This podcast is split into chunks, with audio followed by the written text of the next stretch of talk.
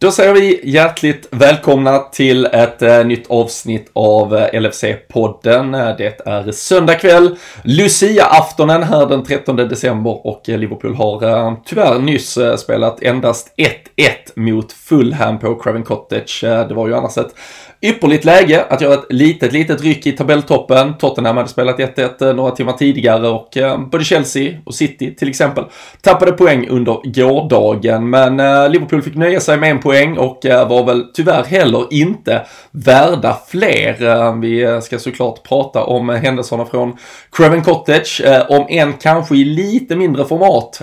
Vi har ju delat in det här avsnittet faktiskt i två segment där vi först pratar ner händelserna därifrån men sen verkligen fokuserar på stormötet mot Tottenham som det nu är ju. Ettan mot tvåan, till och med delad poäng i tabelltoppen på onsdag kväll och eh, vi kommer göra det tillsammans med våra vänner på Ledley Kings knä, Tottenham-podden, som gärna hetsar och eh, har en eh, fin och skön eh, svansföring på sociala medier i alla fall. Men vi ska väl se hur tankarna verkligen går hos dem inför det här mötet. Reflektera kring Tottenhams säsong, José Mourinho, Harry Kane, mycket annat. Så eh, det blir ett extra långt avsnitt och ehm, uppdelat helt enkelt i ett eh, litet nersnack från Craven Cottage och ett stort uppsnack inför onsdagen. Jag eh, kommer att göra det tillsammans med Daniel Forsell och han sitter med och eh, är med i båda de här delarna också. Så har vi Robin och BM från Ledley Kings knä som trillar in lite senare. Men eh, vi gör det som vanligt tillsammans med LFC.se. Supporterklubben finns ju med oss i vått och torrt. Och eh, när det nu också bara är 10 dagar, 11 dagar är det faktiskt om vi ska vara helt korrekta, till jul så är det ju superkul också att vi har med oss nakata.se. Eh, de eh, har ju tidigare tagit fram den här snygga klopptishan, ingen har väl missat den. De tog fram en jävligt snygg print, en tavla på Anfield här för någon månad sedan. Och nu har man också släppt en eh, perfekt för vintern så här, en sweatshirt med Bobby Fowler, hans legendariska målgest eh, som är avbildad lite snyggt. Steve McBanaman dyker upp där i bakgrunden också. Så surfa in på nakata.se, lägg beslag på någon julklapp antingen till dig själv eller någon du tycker om. Använd koden LFC så får ni dessutom 15% rabatt. Det kan varmt rekommenderas. Men eh, nu tycker jag att när ni sätter er till rätta så eh, tar vi först ner handlingarna från Craven Cottage och så eh, låter vi bara det här avsnittet rulla på i eh, nästan all oändlighet. Det blir långt, härligt och eh, ja, alldeles fantastiskt.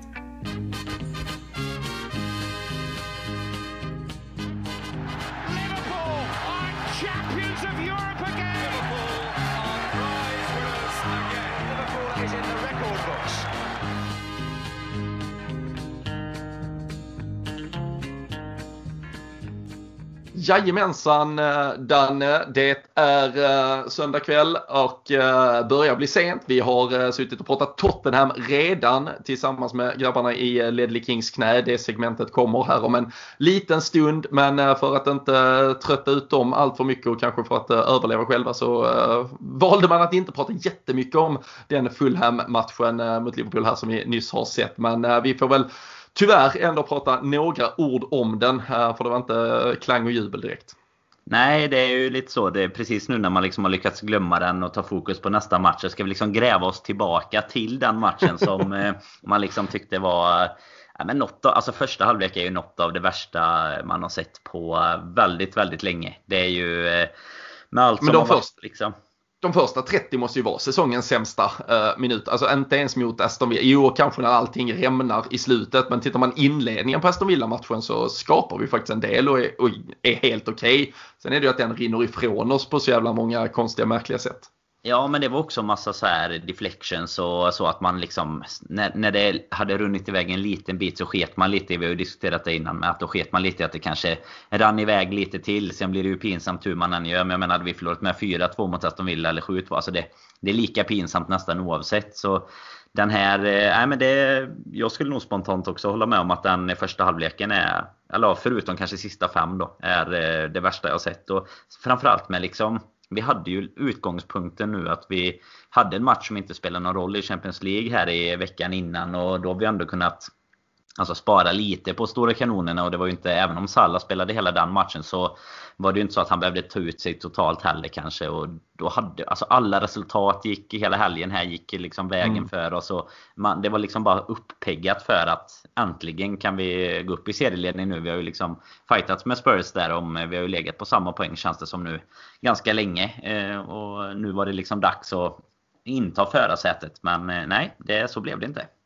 Nej, för det hade ju varit så hade vi eh, bara vunnit så att säga, vilket vi bör göra. I, i ett sånt läge så är det ju, då har vi ju två poäng eh, ner till Tottenham. Och då hade man ju kunnat, eh, det kommer man ju höra mer om i, i nästa segment när vi, när vi pratar uh, inför den matchen. vi kan väl föreställa oss en matchbild i alla fall där José Mourinho kommer och ska parkera bussen och uh, försöka gå för 0-0 typ. Och hade vi då haft en tvåpoängsledning i tabellen till, till dem så hade väl det där krysset kanske kunnat eh, ses som helt okej okay också. Nu, nu känns det ju lite mer press på oss att vi ska gå för en vinst och eh, faktiskt försöka bärga den också.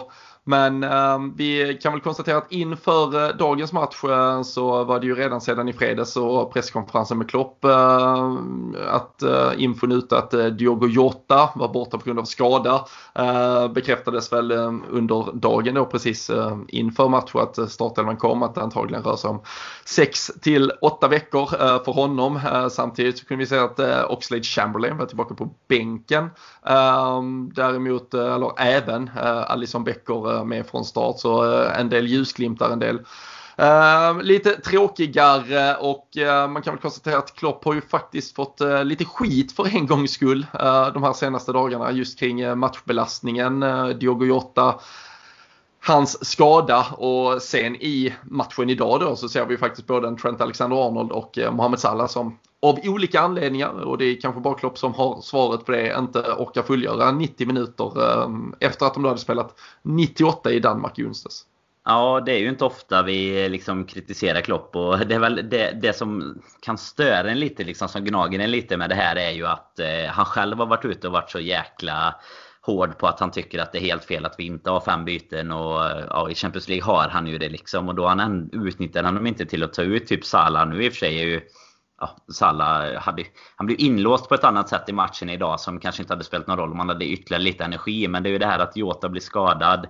Eh, lite då allvarligare än vad man trodde från början men inte heller riktigt lika allvarligt som man kanske befarade då. Eh, ett par månader som du är inne på och sen att Trent behöver gå ut idag, det är ju... Det, det känns ju lite som något tjänstefel liksom. För det, då är det ju bättre att han skulle ha blivit utbytt i halvtid eller någonting senast istället. Så att eh, han var fit for fight idag. För jag förstår ju det, den situationen vi hamnar i andra halvlek. Det är ju att vi bara pressar på och så får får Robertson och, och Trent springa ganska mycket egentligen eh, på kontringarna. Och det var väl Luckman utgick väl lite så från den kanten och, och såklart de som var, var lite mer pigga kanske. Och Nej, det, men det känns bara så fel att vi ändå ska behöva sätta in en Eco Williams då för att någonstans så är det ju ändå så här att du har, har du kvar Trents högerfot på planen så kommer du kunna skapa mer när du ändå kommer vara det bollförande laget. Jag menar det märkte vi om inte annat. Det kommer vi väl in på kanske lite här sen med vad man tycker gick fel. Men alltså det, de sista mm, 10-15 minuterna, eller efter att vi har målet egentligen. De inläggen vi slår, även Henderson och sådär som brukar ha fina fötter. Men det var ju inte tillräckligt bra alltså. Och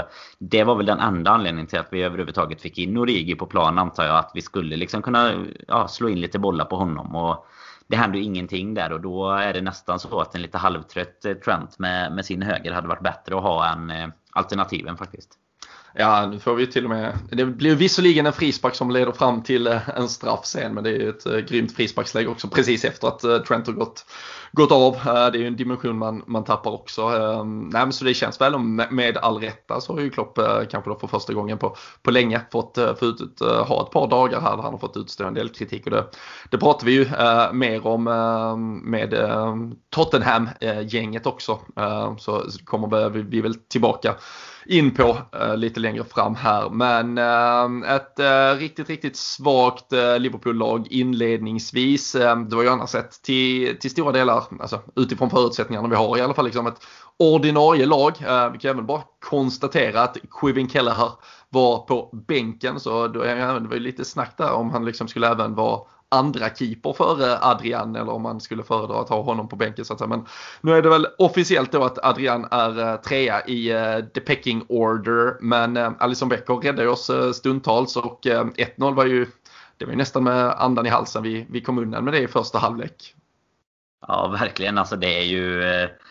Nu kommer jag inte ihåg så här riktigt på rak arm. Man har ju redan hunnit försöka förtränga det här på en två timmar kanske. Men alltså det är väl i alla fall två eller tre alltså suveräna räddningar. Sen är det ju mm. någon som är avvinkad för offside och sådär också. Eh, där han liksom föser ut bollen i skallen på någon som eh, den går över. Och det, det, är väl lite offside. Men nu och med att linje, man håller ner flaggan alltid då så, så är det vissa lägen där han ändå får liksom briljera in dem i statistiken också om man säger så bara för att de aldrig blåser för det. Och är helt eh, otroligt att behöva säga det efter en bortamatch mot Fulham att det bara var tack vare honom egentligen som vi, vi var kvar i matchen i halvtid. Eh, det är ju helt eh, galet och det var väl Alltså nu, Kalle har ju skött det med, med liksom bravur också när han har kommit in. Men jag tror ju att det verkligen var avgörande. Att det var Alisson som stod där. För eh, nej, jag tror inte att det gått... Vi hade inte varit kvar i matchen helt enkelt efter de 35-40 minuterna annars.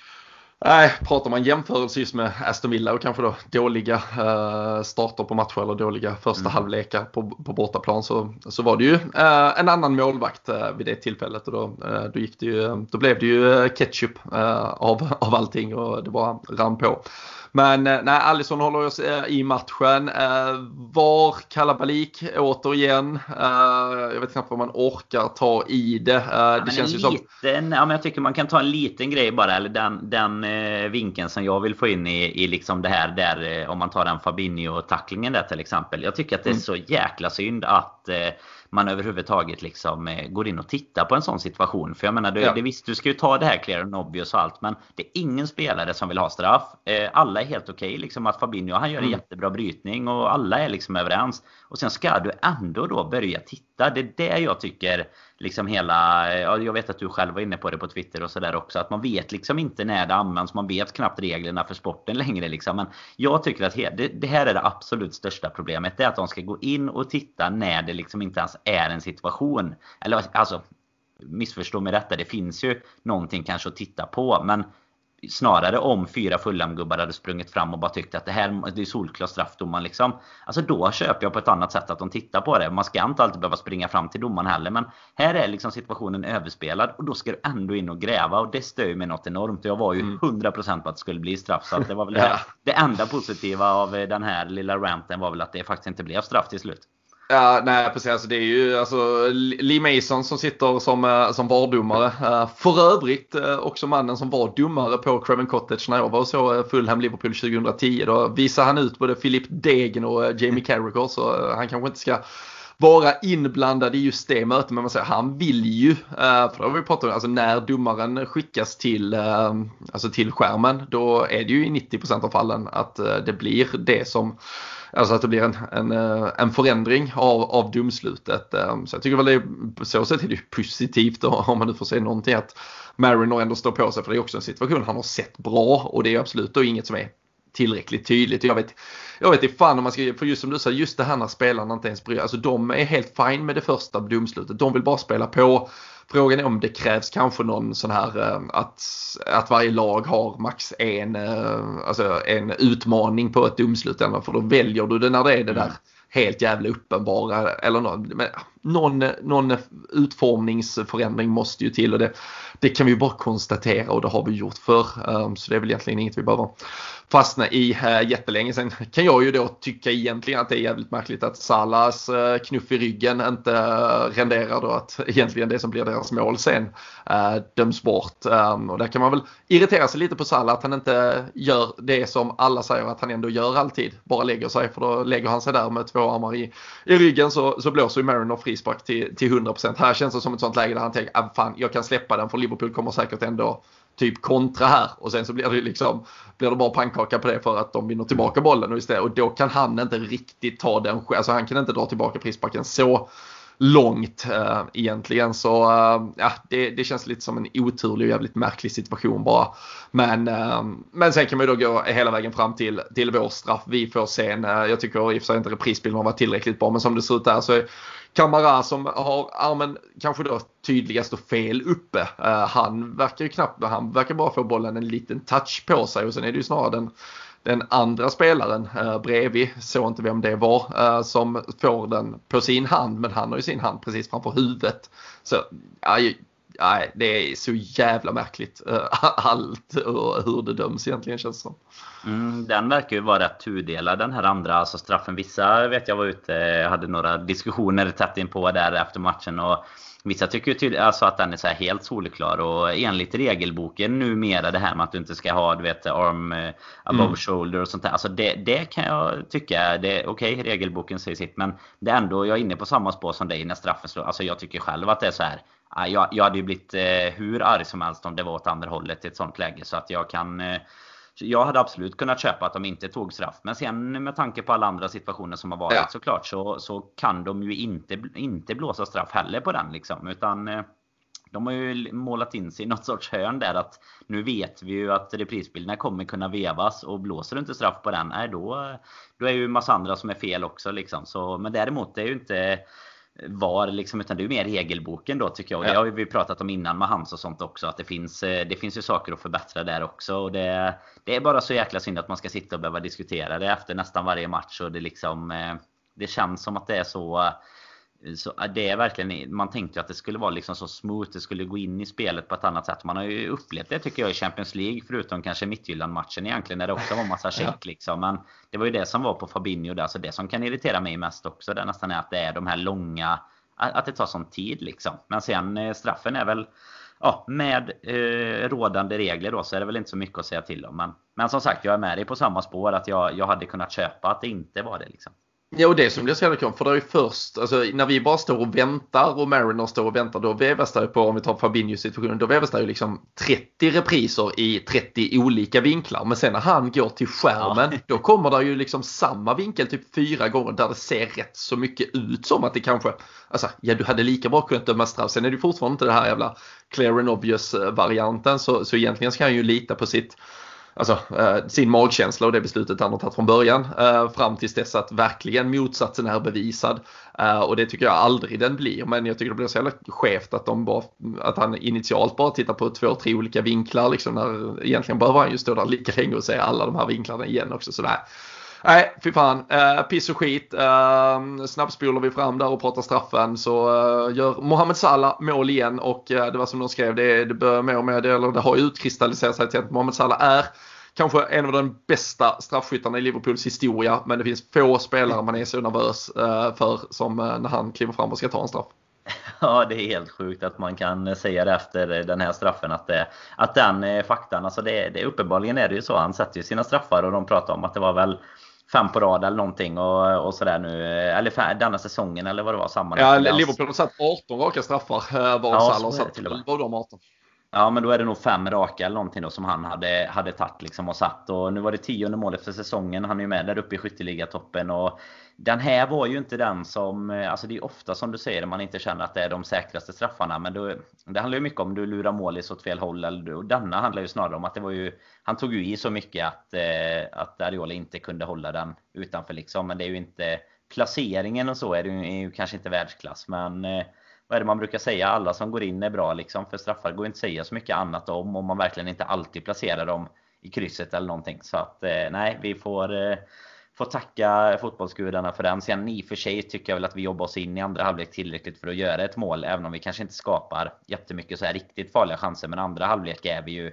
Alltså hade vi bara haft eh, 30% av den eh, energin eller viljan liksom i första halvlek så hade vi inte behövt mm. sitta i den sitsen vi hade heller. Utan det kommer väl ändå tillbaka. Så det, det kan man väl ändå i alla fall känna något sorts hopp eh, om att det liksom inte var helt... Eh, alltså första halvlek var ju mest det man var rädd för nästan att det var så helt slutkört. Alltså nu spelarna går liksom på... Mm. Det, det, finns ingen kräm kvar att ge och då har vi ett problem inför jul nu liksom. Men i andra halvlek känner man väl ändå att ah, okej, okay, det, det, finns lite kvar. Eh, sen får man väl bara ta reda på varför det gick som det gick i, i första då. Men... Eh, nej, 1-1 är väl rättvist i slutändan kan jag tycka. Eller vad, vad känner du? Ja, Ja, det är ju rättvist och, och, det är ju egentligen det som är värst. Alltså att, att, att, att spela 1-1 rättvist mot Fulham borta, det, det, hade jag fan inte eh, på kartan att jag skulle behöva äh, känna.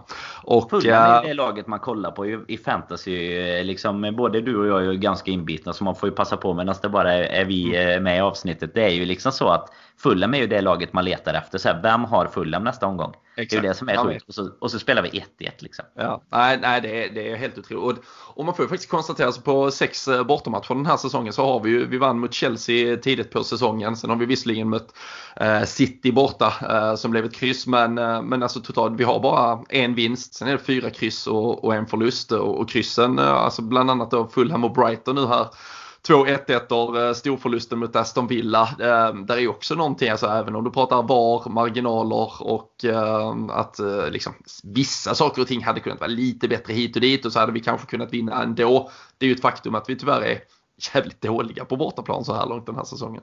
Mm. Jag tycker man, alltså jag är ju den första som ropar på de här Everton och Brighton, alltså själv liksom att det var beslut och och sådär. Mm. Men, men det är samtidigt, eh, du är ju något inne på spåren där att problemet ligger ju kanske inte bara där. För vi kanske inte behöver sitta i den situationen eh, som vi gör. Framförallt inte mot ett lag som Brighton. Alltså Everton får vi ändå ge att i det läget vi möter dem så var de ändå obesegrade. Eller de har till och med vunnit eh, alla matcher då och liksom i, i bra form. Och den matchen ty tycker jag väl ändå att vi gör en, en okej insats. Liksom. Alltså mot Brighton är lite samma som i den här matchen mot Fulham. Att vi ska ju inte stå och hänga på liksom eh, repet i 90 minuten att det blir den här eh, straffen på Robertson som de går in och, och letar upp liksom. Utan problemet är ju snarare att vi inte redan har två eller tre måls marginal. För nu mer än någonsin så är det ju Alltså en 1-0 ledning har alltid varit jobbig. Eller ja 2-1 eller enmålsledning ja, ja. liksom. Men nu den här säsongen så, så kommer det ju vara eller jobbigare än... Nej, man måste, man måste leda med tre inför 90 egentligen. Ja men lite så är alltså, i alla fall, alltså så länge du har ett så kan ju verkligen allt hända. Alltså det kan ja. vara en, en, ett skott på handen. handen. Liksom. Ja. ja. men exakt. Och då, ja, är då, är du, då sitter du där med en straff. Så att det är ju det är det som är problemet snarare. Och jag, så vi, vi ligger väl, sorterar man oss bara liksom på bortamatcher eller borta mötena så eh, är det ju så statistiken som du säger och sen är det typ bara tre lag som varit sämre eller någonting och då är det ändå typ tre lag som knappt ens har de poängen som vi har tagit på bortaplan. Så det är som uppenbarligen då varit sämre med liksom. Men nej, det, det är ju något som är, är, lite skrämmande och jag vet inte om vi om det är att vi behöver ha lite hat från läktarna mot oss eller vad det är vi, vi saknar på bortaplan detta året. Mm. Ja, nej, någonting, eh, någonting är det ju i alla fall och eh, det, det krävs eh, absolut en uppryckning. Det här är ett avsnitt som kommer att bli ganska långt ändå med tanke på att vi har nästan en timme uppsnack, verkligen nernördat inför Tottenham-matchen. Så vi ska väl faktiskt försöka avrunda detta och hålla detta väldigt kort. Joel Matip klev av med en skadad rygg eller lite smärta i ryggen i paus. Efter matchen så konstaterade, sa man i alla fall att man tror att han är fit for fight eh, inför Tottenham. Men annars är det såklart en skadekris som ytterligare eh, utkristalliseras. Eh, men eh, ska vi försöka ta med oss någonting positivt? Alltså finns det någonting tycker du från Fulham? Jag tyckte Curtis Jones eh, drev på eh, jävligt mm. bra i andra halvlek. Eh, men det är väl tyvärr en av få ljusglimtar från matchen i övrigt. Ja, men Curtis Jones gör en bra match. Han har ju ett en räd där när som absolut förtjänar att avslutas med ett mål också. Han var väl den enda som liksom vågade hålla bollen på backen lite tycker jag och verkligen mm. försökte spela sig igenom det här sista när Fulham ändå började bli lite trötta. Sen tycker jag väl att, eh, ja Alisson såklart som vi nämnde innan, det är ju skönt att ha brassen tillbaka i målet. Eh, det får man säga. Sen tycker jag faktiskt något som gick lite under radarn kanske, men jag tyckte att Minamino var rätt bra sin halvlek. Alltså, det, det svåra är att veta riktigt vilken position han har. Alltså, det är det man inte riktigt får kläm på. Men jag tycker ändå att han eh, gör rätt mycket bra. Transporterar bollen en del och ska ju också göra ett mål när Henderson väljer att avsluta själv. Eh, när han, eh, Minamino egentligen har grävt tillbaka en boll och lite framspelat tillsammans med Firmino där så ska ju Henderson passa egentligen. Och, missar istället själv då som ledde till en hörna. Så äh, Minamino tyckte jag var någon liten sån Alltså 1-1 mot Fulham, det är som vi har sagt, det är inte så lätt att plocka ljusglimtar. Så att man får ja, vi gör vad kan. vi kan. Och då, ja. ja. men han har ju haft det så tufft med liksom, så att jag känner ändå att äh, han eh, visade ändå att eh, det finns något att, att ta med sig därifrån tycker jag. Och så en Oxlade på, eh, på bänken också. Får vi ju bara ta med att han ens var med liksom. Att det finns en, en förhoppning om att han kan komma tillbaka och bidra på något sätt i alla fall. Ja.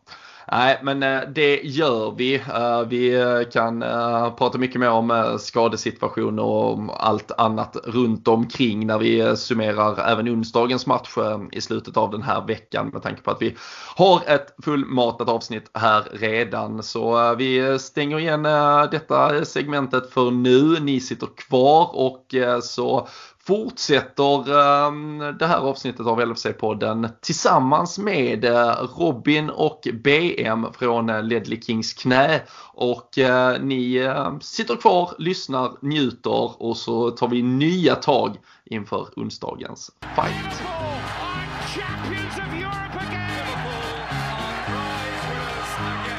Ja, men eh, då eh, sätter vi väl siktet mot eh, den match som väntar på onsdag istället. Toppmatchen mellan Liverpool och Tottenham. Eller om man ska vara väldigt korrekt, om vi tittar i alla fall på tabellen, omvänd ordning. Tottenham 1, Liverpool 2 och att då ha herrarna från Ledley Kings knä med sig här för att få synen på detta känns ju väldigt speciellt. En söndagkväll när båda våra lag inte varit särskilt starka men eh, det är ändå eh, de här två lagen som går in som ett och två i Premier League när eh, det ska smällas och spelas på Anfield på onsdag. Top of the League. Top of the League.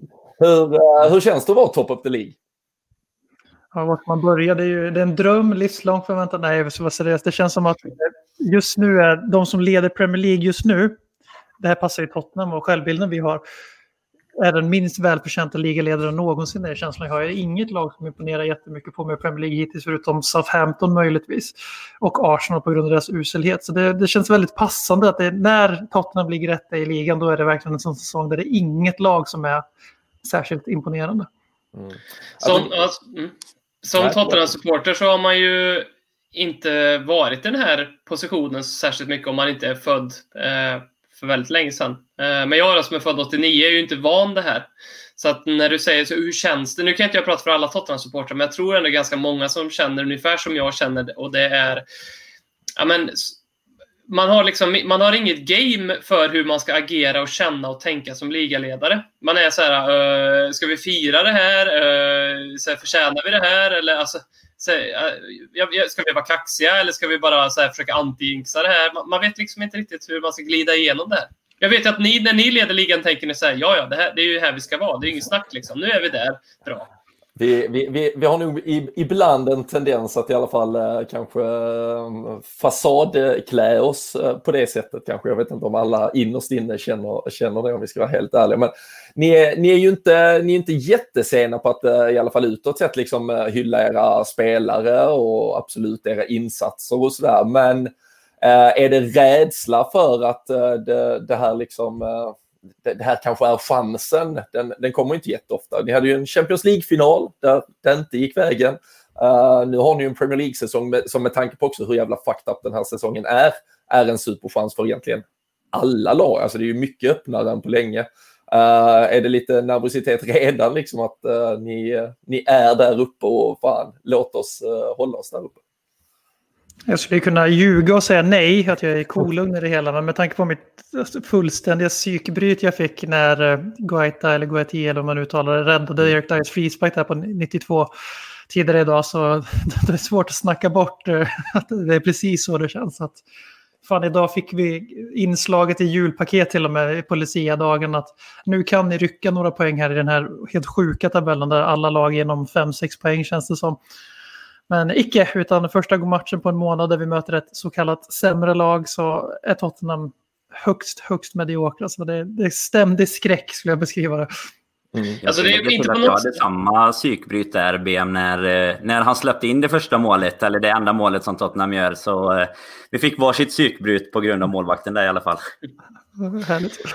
Man, eh, alltså att vi leder ligan, eh, alltså jag tycker, nu vill inte jag på något sätt försöka spela överdrivet mycket på det här, på att vara cynisk och negativ här, men alltså vi, vi leder ju inte ligan, lite som BM var inne på, eh, för att vi är förtjänta att göra det riktigt, utan det beror ju på att ni också kryssar mot Fulham, det beror ju på att ni förlorar mot Villa, det beror ju på att Chelsea har varit Chelsea, eh, det beror ju på att City har varit jätteineffektiva och lelösa. Liksom. Så på det sättet så känns det ju så här, tycker jag, att vi, att vi är där vi är. Är det så här, wow, oj, oj, vad fan, vi flög upp hit. Det känns inte riktigt så som det skulle kunna göra ifall, ifall vi var riktigt mycket bättre än resten. Förstår du vad jag menar? Mm. Ja, men som jag antar att ni kände när ni ledde ligan med all rätt förra säsongen, när ni verkligen mm. var bäst. Så men, men, men, vi är inte riktigt bäst. så. Och därför har jag också svårt att ryckas med i eh, besvikelsen mot ett kryss mot Pallas. För det är så här, ja, alltså, det är så här vi, har, det är, så här vi är. Liksom. Alltså, och så mm. råkar vi leda ligan på det. det. Det är lite konstig känsla. så.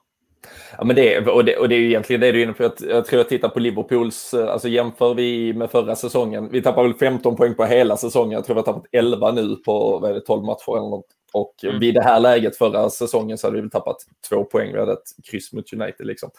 Eh, så det är såklart också förutsättningarna för liksom, årets ligasäsong som gör, och som du nämnde tidigare, att Southampton är en sida. Alltså, även om de har gjort en bra säsongstart och allting, så ett normalår om vi i alla fall tittar de senaste 4-5 åren så har ju ett City eller ett Liverpool redan varit 7-8 poäng före oavsett där. Och det gäller ju även om man jämför med, med Tottenhams eh, siffror så att säga. Men uh, vi kommer väl prata skadekris och allt möjligt skit uh, kring, kring vårt lag sen. Uh, ni har ju ändå hittat en jävligt fin grundtrygghet och en stabilitet, men det är ju fortfarande Kane och sån som i slutändan är poängavgörande konstant. Uh, är man bara superglad och uh, flyger fram och hyllar de två eller känner man ändå att det är ett, uh, en viss problematik kring hur superviktiga de är? Alltså, alla lag ska ju vara beroende av några... Jag tycker det är liksom karaktäristiskt för ett topplag att man är kanske lite extra beroende av några spelare. Um, men det är ju lite som du säger, skulle Kane få sin skada som han antagligen kommer få snart, eller när Son får sin formsvacka som man kanske nu börjar eh, krypa in som man alltid får varje säsong. Um, vad händer då? Är det någon som steppar upp? Det är ju svårt att se några andra spelare som skulle göra det. Det kan ju, eh, det kan ju absolut vara så. Um, jag, jag tycker, min känsla lite grann är att vi har gått ganska mycket på max. Även om vi, jag nyss sa att vi varit dåliga, men vi har liksom vi, vi, anfallsmässigt har vi fått ut precis allt vi har, vi har kunnat få. Liksom. Mm. Eh, jag skulle nog säga att vi är mer beroende av Pierre Höj, Emil Höjbjerg. Um, jag orkar egentligen inte ge, ge han mediautrymme. Så här. Han har fått alldeles för mycket redan. Men visst. Du, du pissade ju på honom när vi gjorde den värvningen, tycker jag var lite kul. Nu ser, nu ser det ganska dåligt ut. Ja, vi letar, vi letar inte i gömmorna efter Nej, men det är, pro, det är problematiskt att vi är så här, jag som inte kan så jättemycket om liksom, taktik i, i fotboll och så där, tycker jag ändå det, hur inte lag kan stävja sig mer mot så här, ja, passa upp bollen på Kane och sen slår han den på Son. Hur, hur svårt det ska vara egentligen att försvara sig mot i längden, det, det har jag svårt att liksom, se. Eh, så på det sättet är vi också lite sårbara där. Jag vet inte vad du tycker, Ben? Jag menar, jag skrev ju i vår interna chatt under matchen att var det någon, Son har tydligen spelat idag. Jag såg ju i Fantasy Premier League att han fick poäng. Men eh, Palace lyckades neutralisera honom. Han sökte sig in i banan för att bli mer involverad. Eh, då står vi i ett läge där Harry Kane spelar sittande mittfältare, vilket han gör nu för tiden. Och eh, Son eh, springer runt i någon sån miss, misslyckad falsk nia-roll och då finns det inte så mycket annat. För alla andra spelare i vår offensiv, deras främsta uppdrag är att löpa och offra sig för att de här två killarna ska komma i avslutslägen. Eh, så att det är, vi är ju en skada bort från, alltså titelracet är inte diskussionen då, utan då är det fjärde platsen som, som är racet. Och eh, vi mm. behöver helt enkelt som klubb eller som lag, vi måste ha någon form av plan som involverar att vinna även utan att de två gör poäng. Så enkelt är det, bara annars är det inte hållbart.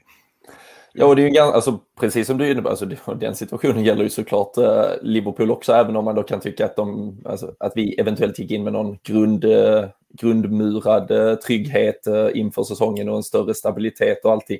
Men eh, som du sa, alltså, på samma sätt som att ni eh, absolut imponerande leder ligan så är det ju liksom, vi har ett City som vi vet ska igång och göra ett par tabellplaceringar uppåt. Det är väldigt, väldigt många lag på 22, 23, 24, 25 poäng.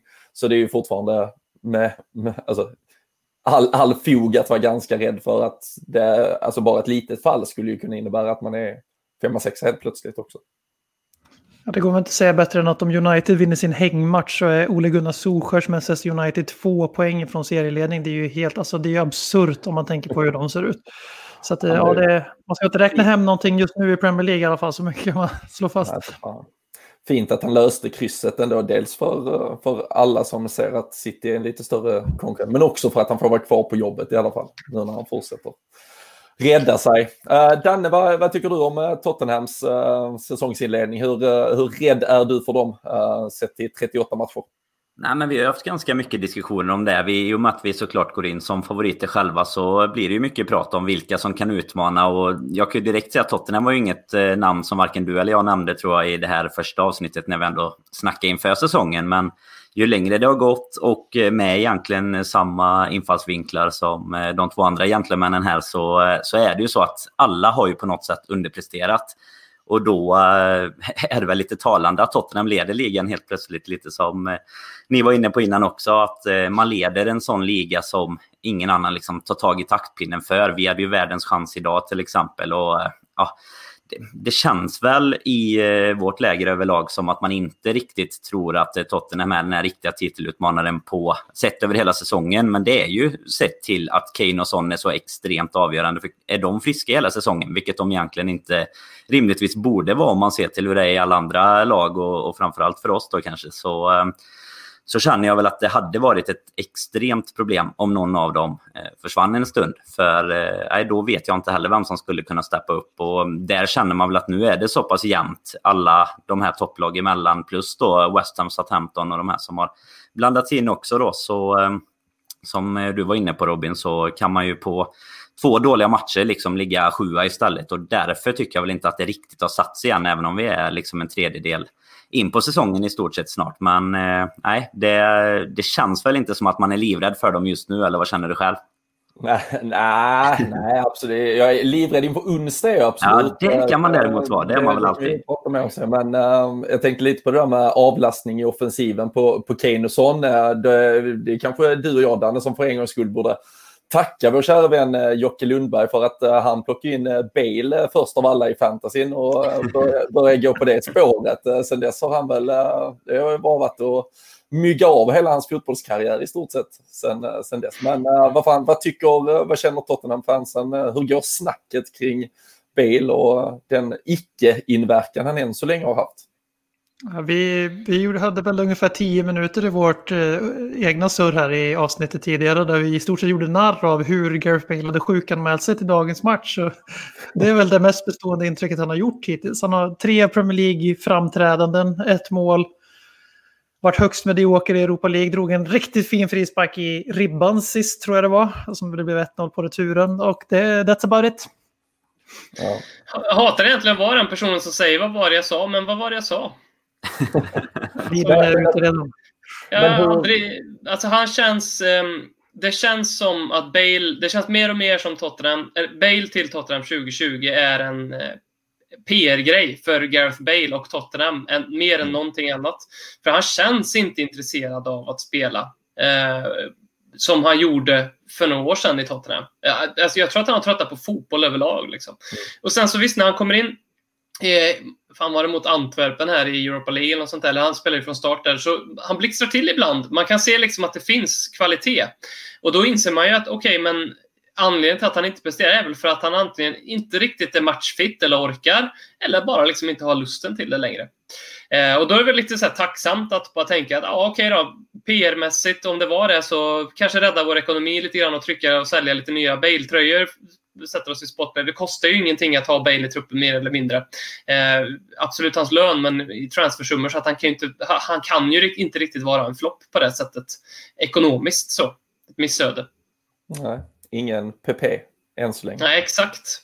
Men man måste ju ändå säga att PP har eh, tagit för sig mer än Gareth Bale den här säsongen. Det får vi ändå säga. Ja, det är väl eh, Saliba som ska upp där på tronen snart också bland de eh, stora eh, värvningarna till Londonklubbarna kanske. hans karriär var väl över redan i januari nu hade väl någon konstaterat i alla fall.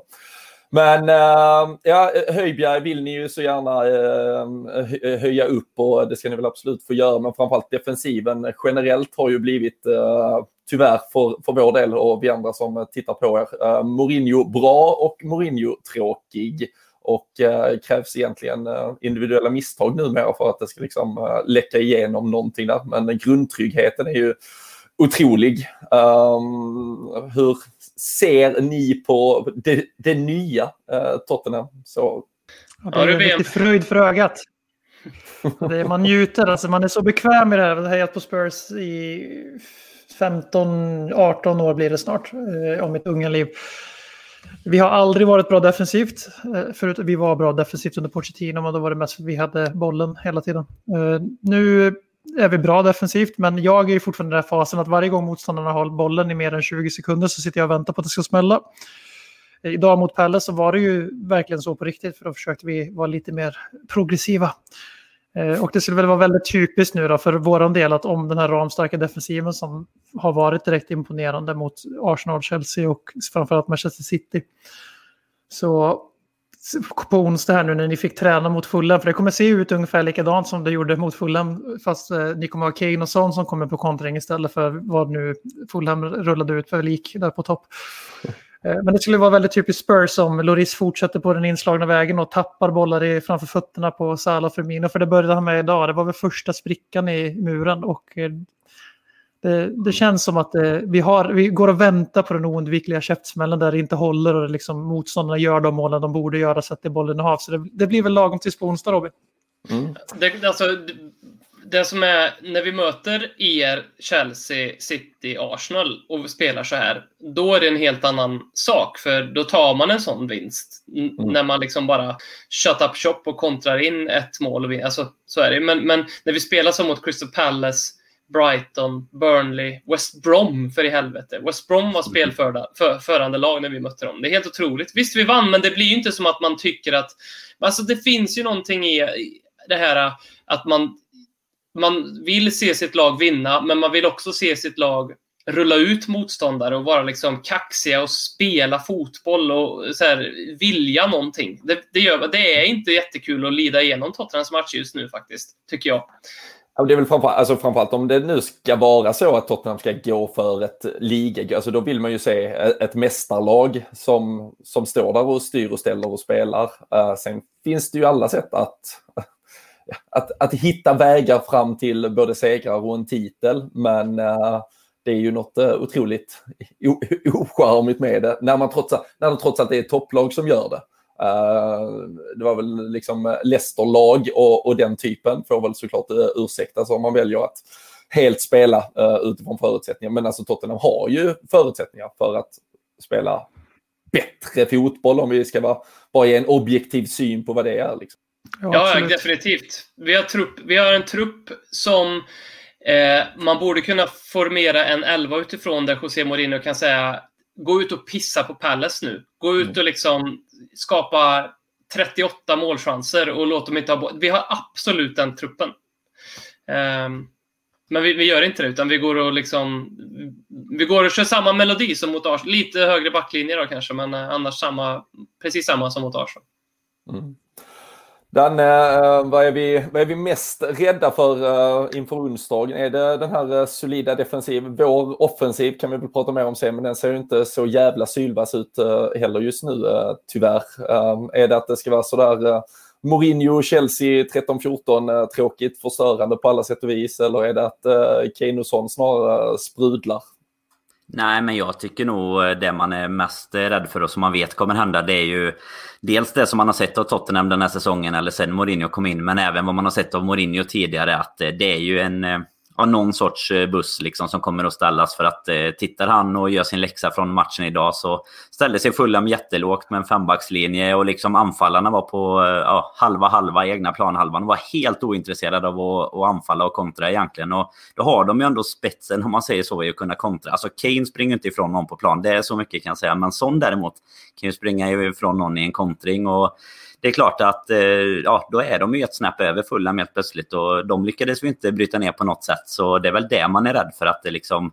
Ja, vi tappar ju alternativ känns det som i, i den typen av match. Och det är väl så väldigt många har börjat att ställa upp. Alltså den här naiviteten och även om man tycker att man ska vara ett eh, finare fotbollslag. Liksom, den blev vi ju bjudna på mycket mer under Klopps första år i och med att folk då inte riktigt hade läst honom och fattat hur Liverpool ställde upp och spelade. Men nu, eh, trots våran eh, extremt fina säsong liksom i bagaget från förra året, så märker man det mycket tydligare den här säsongen.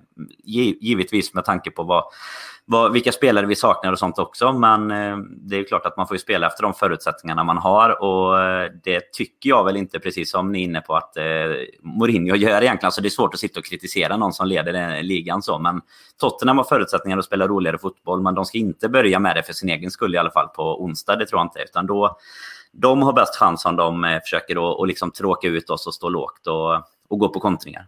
Jag tror, inte, jag, tror, jag tror inte att Mourinho hatade att sitta och se uh, den här Fulham-matchen mot Liverpool i alla fall och sättet man uppenbarligen kan dels uh, trötta ut och tråka ut och faktiskt låsa Liverpools uh, offensiv jävligt mycket och sen då också ha ytor bakom en Visserligen då på förhand eller idag från start ganska ordinarie backlinje men eh, uh, Julmatip fick ju gå ut med ryggproblem som den uh, ålderman han är. Uh, känns ju som att han har en uh, mental ålder på typ 74 ungefär och fysisk är väl uh, knappt därefter. Uh, från Tottenhams sida, när ni nu till, ni har ju haft en lång uh, radda egentligen toppmatcher som ni nämnde. Ni mötte City, ni mötte Chelsea, ni mötte Arsenal. Uh, var, var står mötet med Liverpool uh, så här år 2020 i, i rangordningen? Eh, I den, I den där interna, just i år är den ju etta då, som att det är på någon, av någon anledning de här två lagen som slåss just nu främst om ligatiteln. Sen har vi ju Champions League-finalen, vi har ju eh, Lelle Kings knä versus LCHF-podden tydligen. Mm. Eh, och eh, så det blir lite extra cred. Era, era lyssnare är ju de som är roligast att interagera med på, vårt, på vår sida. De är, har ju lite give and go. Eh, så det är ju lite extra laddning och sen så kändes det framförallt förut när det var Pochettino mot Klopp som att det här var liksom nästa generations riktiga stortränare med en reservation för att Klopp hade vunnit en del innan han kom till Liverpool också. Mm. Uh, nu, är det, nu är det väl lite mer så här att man ser ju lite fram emot att se Mourinho rulla ut den här taktiken igen. Jag kommer sitta i 90 minuter livrädd för att raset kommer oundvikligen. Men samtidigt tror jag jag skulle ta få saker med, med mig mer än en eventuell Mourinho-seger på Anfield just nu. För det skulle kännas som att det var slutgiltiga bekräftelsen på att det är fan vårt år. Alltså vi mm. har chansen i år. Sen möter vi Wolves och Leicester direkt efter det, så det kan inte ta slut snabbt. Men så det, det, är nog, förutom North London Derby och Chelsea som jag egentligen tycker mer illa om än Arsenal objektivt, så är det ju egentligen sportsligt sett nummer ett. Mm. Alltså det, kän det, känns ju inte som, för båda känns det finns ju inget mer eh, Mourinho eh, än att han liksom eh, bryter vår svit nu på 65 raka hemmamatcher utan eh, förlust i alla fall. Och han, han hittar sättet. Eh, det, eh, det, det är ju såklart egentligen ingen liknelse alls eh, i övrigt, men det är ju Chelsea-vibbar från eh, 13-14 i stort sett här, att han har möjligheten där att förstöra för oss rejält. Ja, men verkligen. Och jag, det jag är lite nyfiken på är väl, du var inne på det nu BM, eh, liksom om du jämför med de liksom sämre lagen man har mött och sådär. Men hade det varit mer okej? Okay? Alltså hade ni två tagit en insats mot Liverpool där, vi, eller där ni bara liksom ställer er och ja, antingen tar en 0-0 eller bara satsar på kontringar och utan någon heder egentligen eh, kommer, alltså, kommer därifrån med en poäng eventuellt. Men vad, vad har ni eh, för uppfattningar där? Ja, definitivt. Det tar vi alla dagar i veckan. Alltså, kan vi kontra in 1-0 efter två minuter och sen sitta och svetta ut ångesten i 90 minuter därpå så tar vi det såklart. vi, vi, vi, vi sålde våran heder när vi anställde Mourinho.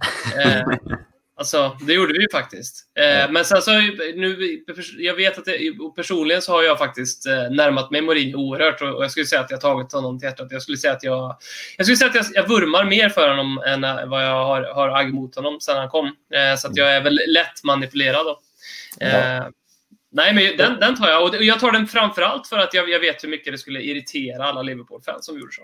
Ja, jag, men jag tror att det är lite samma. Alltså, grejen är att i alla fall jag och Robin, eh, många som lyssnar på oss och, och sådär med, har ju varit med så extremt länge men ändå inte på själva storhetstiden. Utan det var väl storhetstiden innan då som gjorde att vi kanske blev fans eller att uh, ens föräldrar och bröder eller vad det kan ha varit som, som liksom fick in en på, på det spåret. Och jag tror att vi kan känna igen oss ganska mycket i det ni pratar om. Att man liksom har ju haft väldigt många år av eh, ja, gnetande insatser där man kanske har varit med uppe i toppen lite, men det är inte alltid har sett helt perfekt ut. Och, eh, den dagen hade man ju också tagit eh, ett sånt resultat mot eh, Mourinho och Robin. Så eh, ja, det fanns nästan kunna tänka mig att göra något liknande på, alltså bara chocka alla och Klopp liksom bara släpper hela det här heavy metal. Han bara kör någon så här eh, pianofotboll, liksom bara sexbackslinje eller någonting på Kane och Son bara, så har vi i alla fall 0-0 klar.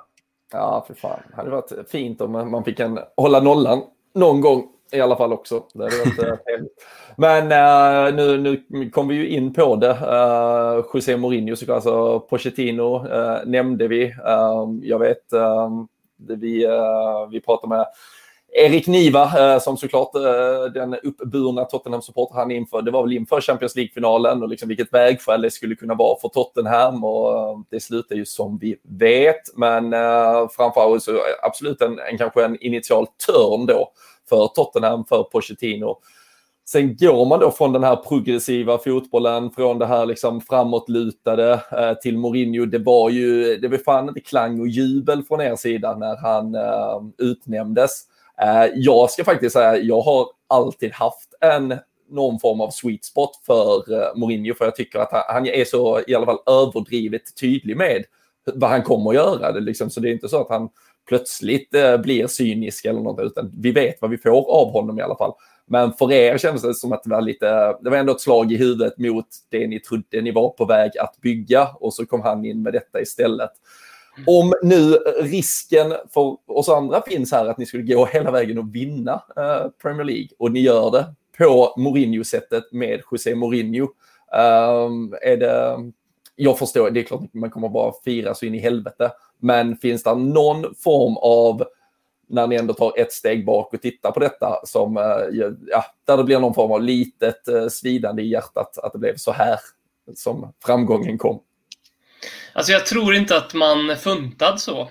Um, jag, för egen del är det ju inte så eftersom att jag... jag så här, det är många som har fått sig den identitetskrisen sen Mourinho kom eftersom att vi gärna har en liten uppburen och högfärdig idé om att vi ska spela en överlägsen fotboll lite, lite finare, lite mer flärd, kosta vad det kosta vill, bara det är kul att titta på. Det har ju liksom varit det som har varit vårt självutnämnda DNA sådär, to dare is to do. Och så kommer Mourinho och så är det liksom eh, noll, noll risker i, i, alls. Så, men jag tror inte det. Eh, jag, jag, kommer jag kommer absolut dansa naken på Sergels torg. Eh, eller på Karlstads torg.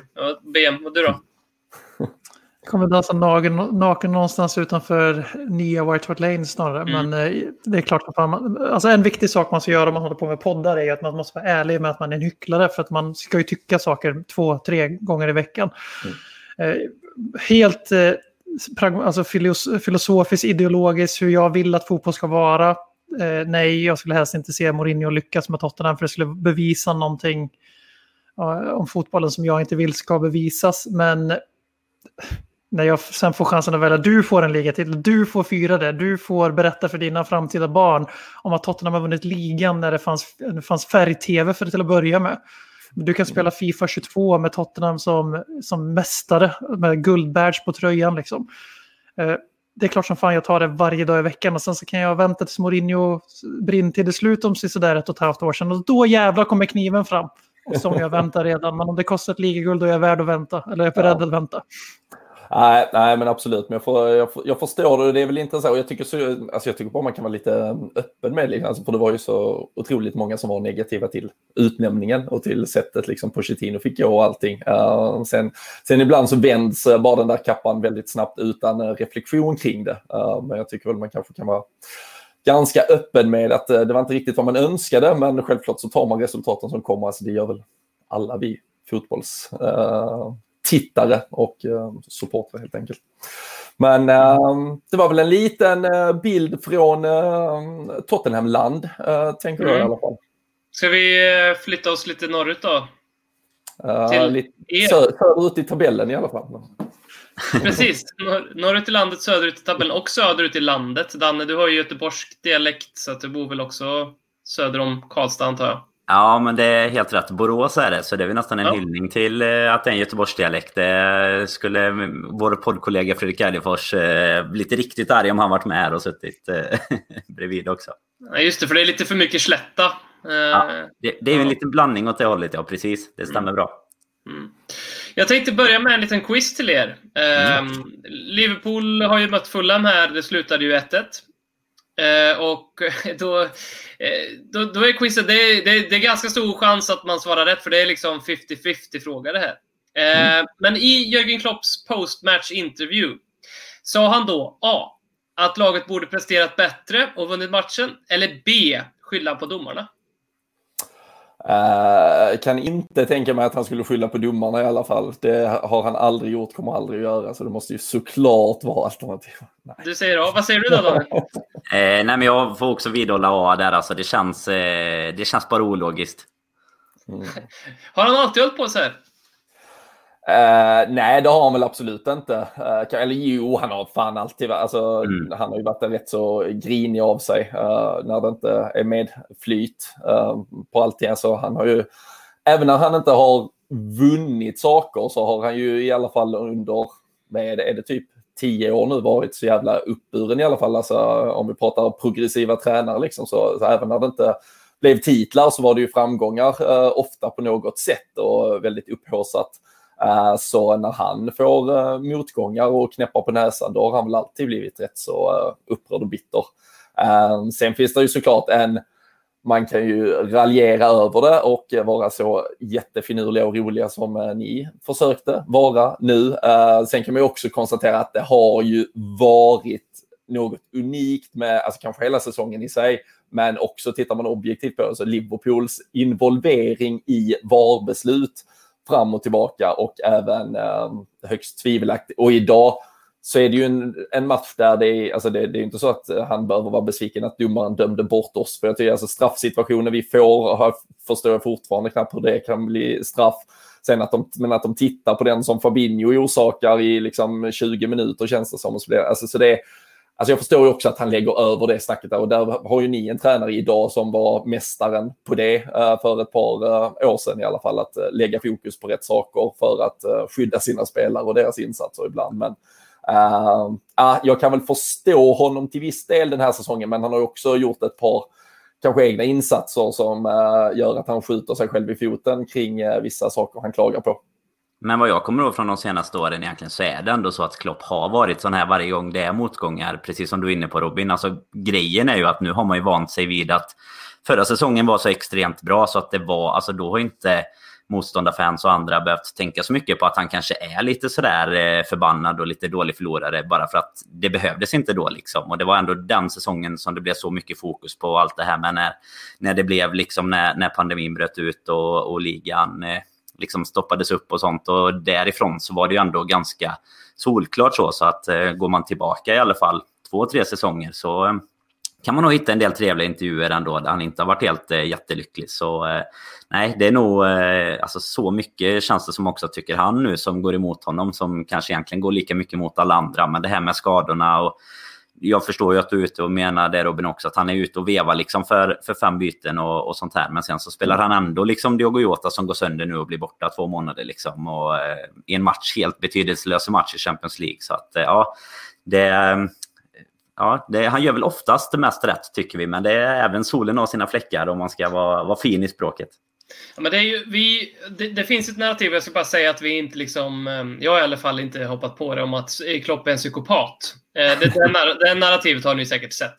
Absolut. Så när vi skulle prata om det här för några poddar sedan, Eh, med Klopps förmåga att tillskriva laget fina kvaliteter när man vinner och skylla det på något annat när man förlorar eller kryssar eller så, eller tappar poäng. Eh, så, så sökte jag runt lite på det här om det, om det, om det finns någon så här eh, psykopatdrag i det. Tvärtom så är det faktiskt så här att, och det, och det här var liksom en forskningsartikel som jag hittade, eh, där det faktiskt visar att lyckliga människor beter sig på det här viset. Tillskriver fina eh, eh, saker till sig själv, när det går bra och när det inte går bra då hittar man, det är faktiskt ett, ett, recept på lycka. Så för, vi får säga grattis Jörgen Klopp och alla Liverpools-fans. Det är ju otroligt störigt eh, så här, från lite molnfri höjd då, som vi är nu. Då. Men mm. för, för, som en outsider eh, att, att, att, titta på det. Men, men för Klopp och Liverpool kanske faktiskt är en bra sak. Men eh, han, du var inne på... Han känns ju rätt lycklig ändå, det måste man ju ge honom. Alltså när det väl går bra, om man säger så, då... Eh, han, han visar ju gärna att han är lycklig på, sitter med några bira på bussen och sådär. Det är liksom inga problem. Så att eh, det, det är väl enkelt att tycka om honom, lika enkelt som det är att hata honom som ni liksom har med Mourinho nu med alla som har haft Mourinho förutom kanske när, när ni fick honom nu bara på grund av att det var just Pochettino som lämnade så eh, har ju nästan alla tyckt att det har varit perfekt att ha honom men alla andra har hatat honom och vi hamnar väl lite i samma fack nu tack vare de framgångarna man har haft senaste säsongerna såklart. Och jag tror också att man är, alltså, utan att ha granskat den här eh, peer reviewat eh, din vetenskapliga artikel så, så är det ganska uppenbart, alltså så länge du eh, hittar en yttre fiende kring alla mm. motgångar så behöver du aldrig ta något eget ansvar för det. Och även om det kan såklart framstå som uh, smått uh, psykopatiskt, absolut, så, så är det ju jätteskönt egentligen att gå till jobbet imorgon bitti och känna att nej, vi kunde inte ha gjort något, det var alla andras fel, så nu kan vi bara blicka framåt för uh, vi, vi får lö väl lösa det nästa gång istället. Men uh, låter lite som när jag själv spelar padel för också. men, men, alltså, har man inga skrupler så är det bara att köra på det här. Alltså, då kan jag bara säga grattis. Har man inget samvete så ja, kör. Alltså, ja. Men eh, du var inne på det här med skadeläget, Anne. Kan ni redogöra lite grann för vart ni står och vad... Eh, jag blev lite förbannad där på Jota att han... Eh, jag hade ju plockat han i fantasyn. Um, inte för att det hade gjort jättestor skillnad i mitt pisslag, men uh, kan ni uh, redogöra lite för ert skadeläge och vart är vi egentligen där och hur ser det ut för er? Men alltså det vi framförallt har problem med det är ju backlinjen då. Vi har ju både Gomes och van Dijk borta. Nu är Matip uppenbarligen med ryggproblem också. Så eh, vi vet ju inte riktigt. Det blir nya mittbackar varje vecka ungefär. Nu har ju Trent kommit tillbaka. Man fick ju gå ut idag efter drygt 70 tror jag det var. Eh, mm. Han spelade också den här värdelösa matchen i, i veckan. Men eh, det trodde man väl var för att bygga lite fitness. Men nu orkar han tydligen inte fullan borta också. Och då fick vi byta in unge Williams istället. Och sen är det ju Thiago då, storvärvningen, liksom stjärnvärvningen som vi hade hoppats på. Som eh, men fortfarande ända sedan Everton-matchen då egentligen eh, det är det, vi har varit väldigt arga själva i, i Liverpool-kretsar såklart på att det inte konverseras ut någonting gällande hur länge han kommer vara borta. Fram tills kanske för någon vecka sedan när man ändå fick reda på att det är några veckor till. Sådär. Och där, det finns mycket annat att diskutera kring den journalistiken i, säkert i samtliga lag i England. Men det är väl Thiago van Dijk såklart som är våra största avbräck. Och Alisson kom ju tillbaka i startelvan och höll oss absolut kvar. Om ni inte såg matchen så vi hade ju lika väl kunnat ligga under med 4-0 liksom, i första halvlek. Mot eh, Fulham med sju poäng eller någonting inför. Så eh, nej, han kom tillbaka i alla fall och eh, nej, det var skönt inför onsdagen. Så. Vad... Jag in där Robin för att ställa nästa kränkande fråga. Eh, är inte det här, känns det inte på något sätt, måste det väl kännas bra att Liverpool som är enligt mig det laget i toppen som har haft överlägset mest eh, faktiskt motgångar den här säsongen om man tänker med skadefrånvaro. Ni har, ni har ju fått de här skadorna som man satt och väntade på i två år. Att hur fan klarar sig Liverpool undan alla skador? Eh, när våra nyckelspelare gick ner en efter en efter en förrän man fattade att Liverpool hade kommit ikapp och sprungit förbi Spurs runt 2019 årsskiftet där. Eh, men det, ni är ändå del av detta i ligan, eller tvåa om man ska vara besserwisser. Och eh, ni har haft en enorm skadefrånvaro. Ni har precis ett år senare än alla andra, eller två år kanske, upptäckt att VAR inte alltid funkar så jävla nice. Ändå ligger Liverpool på delad första plats 25 inspelade poäng. Det känns som att ni har jävligt mycket mer att plocka ut när folk kommer ja, tillbaka. Det, alltså, så, så kände man, eller jag, man och man, jag kan bara gå till mig själv, så kände jag väl för ett par veckor sedan absolut, när kanske första när man kände att ah, nu, redan nu är det typ en skada för mycket. Alltså typ, det var när Gomes gick i sönder på ett landslagsuppehåll och Salah fick corona under ungefär samma period och då hade vi väl haft Everton några dagar tidigare och man känner alltså nu, fan, nu är det, det är fan för mycket, men det är rock bottom. Det kan inte bli värre i alla fall. Men sen känns det som det bara fortsatt, alltså från det också liksom. Det är ännu fler skador och det är ännu sämre prestationer och det är ännu fler konstiga beslut som man inte, så alltså återigen, zoomar vi bara ut och tittar på det så ja, eh, att Liverpool med alla skador, med ett par i alla fall tvivelaktiga domslut kan ligga där vi ligger. Um, men ska vi titta på det sportsliga så är det riktigt stora problemet att vårt, vårt spel på bortaplan igen har ju varit uruselt. Det är ju till och med så illa så vi faktiskt har värre borta statistik än Arsenal. Och uh, då förstår ju ni hur illa det är uh, ställt med det. Och uh, vi har bara en seger. Det var mot Chelsea, visserligen. Ehm, de fick ju också ett rött kort där, men där var vi ju riktigt, riktigt bra. Men eh, sen är det ju kryss borta mot Brighton, mot Everton, mot Fulham. Alltså det, det, är ju inte, det är inte bra. Och det är framförallt så, om man då pratar om att vi ibland kanske liksom ofta får beröm för att eh, det spelar så fredigt och att eh, den här offensiva trion där framme ofta liksom hittar alla möjliga lösningar så har vi inte hittat någon jävla lösning alls på bortaplan. Så där måste det ju till en... Det har inte med en skada hit eller dit för idag startar vi egentligen ett, det här hade mycket väl, alltså utan en enda skada hade det här nästan kunnat vara ett lag. Vi, vi startar en match och vi kommer ändå ut och blir överkörda av Fulham i stort sett första, hela första halvlek, i alla fall första 30-35. Så äh, där, där är något äh, i spelet som måste till för att det, det kommer inte bara vara att poängen trillar in för att vi plötsligt får tillbaka några fler från skada och uh, att uh, VAR skulle ge oss en offside uh, mer eller mindre framåt.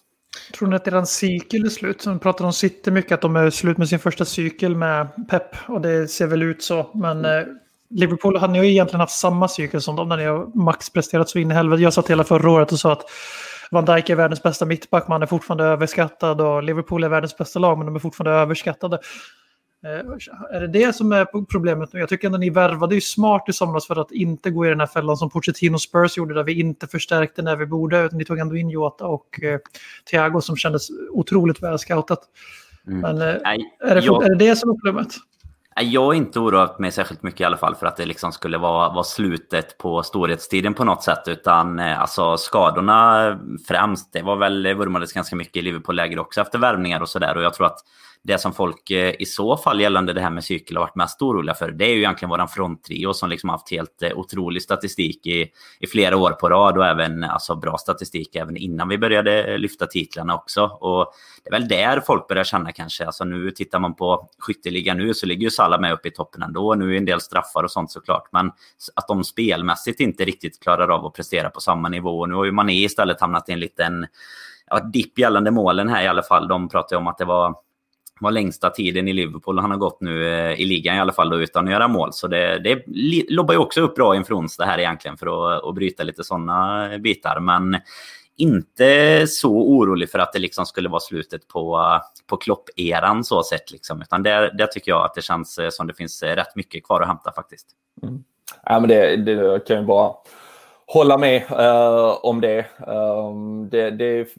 det, är inte, det är fortfarande inte att man ser att kollektivet har kollapsat utan det, det, är fortfarande väldigt mycket på samma sätt som i den ramstarka kollektivet förra säsongen och kanske nästan ännu mer egentligen de två säsongerna innan dess uh, när vi spelmässigt kanske var uh, ännu bättre uh, stundtal så var det att vi vi hade absolut liksom ett, ett, lag, ett lag som spelade på ett sätt med då dessutom individuell briljans som, som toppade upp det. Um, jag känner väl fortfarande att den individuella briljansen kan, kan finnas, men där är ju där är absolut någonting i uh, ja, där är, där är någonting i bygget just nu som, som kärvar lite, men, uh, men det är absolut inget som det finns så mycket kvalitet kvar på, på alla spelarna eh, ändå tycker jag för att man ska inte behöva oroa sig än eh, över någonting. När jag sökte på um, Klopps um, postmatch-intervju så fick jag på, jag vet inte om det här var bara av en slump, jag skulle vilja fråga er det, så, fan, så såg jag en Klopp-out-tweet och jag vet inte om den var ironisk um, men, men, existerar Klopp-out? Finns det narrativet i Liverpool eller var det bara en freak? Nej. Nej, det var någon United-supporter eller något som du lyckades trilla dit. Nej, men det tror jag inte någon som är liksom, eh, ja, ser seriös om man säger så. Nej, men sen är det väl ganska, jag, skrev själv någon kort summerande tweet efter matchen, liksom att uh, i, kanske i en, i en ganska lång tid nu där uh, Klopp på, på 100 beslut känns som han har tagit 99 korrekta och, och ett fel i stort sett, så så är det väl, har det väl blivit, eh, alltså för första gången på länge har det blivit en diskussion kring hans, eh, alltså även då internt från Liverpool-håll, hur han då valde att matchcoacha i onsdags i den här helt betydelselösa matchen. Eh, dels för att man väl allmänt inte tyckte det behövdes, man ville vila spelarna eh, och eh, se dem idag i fullt slag istället. Men också lite att, att fans som kanske då har liksom man, man har tagit Klopps rygg i alla de här eh, debatterna kring vi borde ha fler byten, vi borde eh, inte spela eh, lördag tidigt om vi har spelat onsdag sent och allt möjligt. Men, och så nu känner man att fan, nu när du hade chansen att eh, göra någonting för att visa att du i alla fall gör vad du kan ungefär, så gjorde inte han det heller. Eh, och då blir det absolut en irritation från, från folk och när det då dessutom mynnar ut i två tappade poäng i en match som egentligen är en öppen dörr och framförallt när alla andra eh, den här helgen hade tappat poäng. Så, så det är ju första, det var ganska skönt att vi gick och satte oss eh, här direkt efter matchen och, och, skulle prata allmänt istället. För jag tror att eh, det, det, är ju inte, det är inte ofta Twitter är vackert, men, eh, men just en sån här kväll så, så blir det alldeles för, för överdrivet. Men, och det är ju för första gången på jävligt länge ur ett Liverpool-håll att det ens sprids lite negativitet som är riktad internt i klubben. Men eh, det kan ju vara kul att, att, att minnas hur eh, det var för ett par år sedan. Men eh, jag tror det är ganska snabbt eh, bortblåst. Och eh, enklaste sättet vore ju en seger på onsdag i alla fall. Ja, men alla andra de här negativa bitarna som har varit den här säsongen, det har ju bara handlat om VAR egentligen. Och det är nu låter vi för eh, Tottenham-fansen såklart som att eh, man sitter i klopphörnan där och bara skyller på domarna. Men det har ju varit diskussionen efter matchen när man sitter på Twitter och sånt som Robin är inne på. Det har ju varit för att vi har tappat det var egentligen två matcher i liksom sista minuten på grund av lite halvtvivelaktiga offsider eller straffsituationer. Och då, då blir det ju någonstans aldrig... Då blir det lite vi mot dem. Liksom. Det blir inte det här att man går in och kritiserar spelarna istället för att man tycker att vad fan, vi skulle ju... Vi hade inte behövt släppa in 1-1 mot Brighton. Liksom. Vi hade kunnat leda med 3-0 istället och så hade vi inte haft det problemet. Men då fokuserar man så mycket på det medan man då idag eh, får se sig i, i själv i spegeln liksom, och inse att det, fan, det var inte bra nog. Och då med allt det i bagaget som Klopp har varit ute och eh, varit där på eh, samtidigt som han då får Jota skadad och Trent som inte pallar att spela. Nej, men då, då, finns det ju något litet, litet såklart. Men att det har gått så långt som till hashtag Klopp out, det, det är jag inte orolig för än i alla fall. Hur tar sig Liverpool an eh, Tottenham på onsdag då? Eh, jag tror vi tar väl oss an Tottenham som vi tar oss an alla hemmamatcher som just har gjort att vi har 65 raka utan förlust i, i ligaspelet stort sett. Alltså vi, vi kommer att spela vårt spel. Um, och så kommer ju dessutom Mourinho vara jävligt nöjd med att vi gör det. Så det kommer nog vara en matchbild som, eh, som formas jävligt snabbt, tror jag. Uh, det man får hoppas på, det tycker jag väl i och för sig har varit lite, det var egentligen som värst direkt i början av säsongen och även med van Dijk faktiskt och det blev ju nästan lite bättre uh, utan van Dijk att vi faktiskt justerade vår, uh, ja, men vår backlinje, alltså höjden på var vi ställde linjen uh, helt enkelt. För hade vi stått kvar så högt som vi stod eh, i de inledande matcherna och eh, liksom mött en eh, Mourinho-buss och en, eh, framförallt en eh, Son eh, som ligger på rulle på, på den ytan Eh, så hade det kunnat bli blodigt eh, bakåt. Men nu har vi väl en lite mer balanserad approach. Vi vet att eh, Fabinho, förhoppningsvis Matip, eh, kommentaren också från den där postmatchen var ju att han är tillbaka och, eller bör kunna spela. Och annars är det ju liksom en Nat Phillips eh, eller någon som ska in där och, och spela mot, eh, mot Harry Kane i duellspelet och eh, uh, Jong Min Son i, i löpspelet.